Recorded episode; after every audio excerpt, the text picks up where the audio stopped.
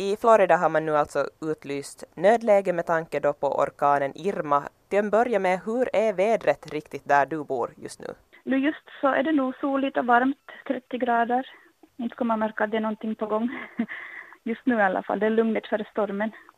Så det syns ingenting ännu? Nej, inte alls. Florida har alltså utlyst nödläge. Har det märkts av på något sätt där du bor? Eh, inte skulle jag säga. Alltså man märker ju att eh, folk eh, mera ute. Alltså de, man lägger bensin i bilen, tankar fullt så att man ska ha bensin ifall man måste köra härifrån.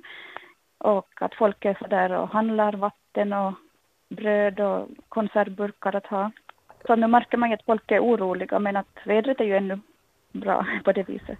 Så man märker att folk, folk förbereder sig?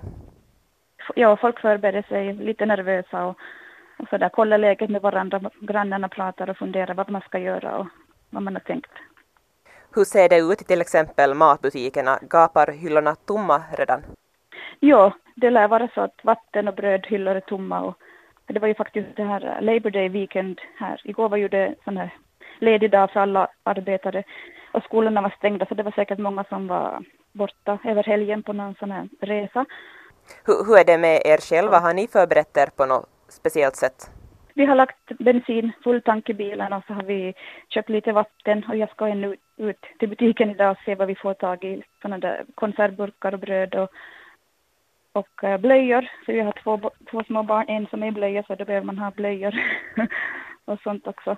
Vilken information har ni fått från till exempel myndigheter om vad man ska tänka på? Nej, de uppmanar nog att man ska förbereda sig för det värsta förstås och hoppas på det bästa. Att man ska nog ta det på allvar och uh, förbereda sig och ha en plan vad man, ska, vad man har tänkt man ska göra. Jag vet att det finns sådana som har liksom bokat hotell i till exempel Atlanta, Georgia och tänkt att de ska ta sig dit och om det börjar bli riktigt besvärligt här. Men man måste ju förstås åka i, i god tid så att man inte sitter på motorvägen sen när stormen kommer. Har ni tänkt på att lämna Florida?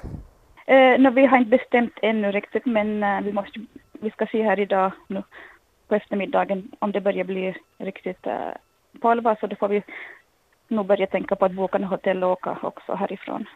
Men i detta nu så har vi inte bestämt att vi väntar och ser ännu. Med tanke på vad allt eh, orkanen har vi ställde till med här nyligen, hur pass oroliga är man? Mm, jo, det har nog faktiskt hjälpt till att öka rädslan hos alla för att man såg vad som hände där i Texas. Att, att jag tror nog att det är många som riktigt tar det på allvar den här gången och liksom förbereder sig för det, för det värsta. Mm. Att det är nu så färskt minne det här Harvey i Texas. Att det skapar nog mycket oro och rädsla.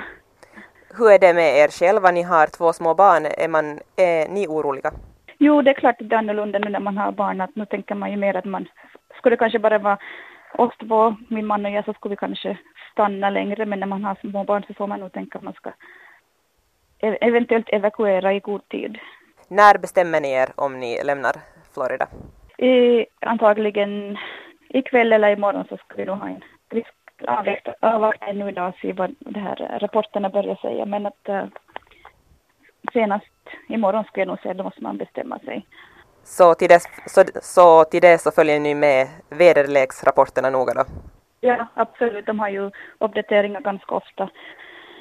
De har ju sådana flygplan, de flyger mitt i stormen med och, och, man får rapporter flera gånger om dagen. Så det är nog bara att följa med och förbereda huset.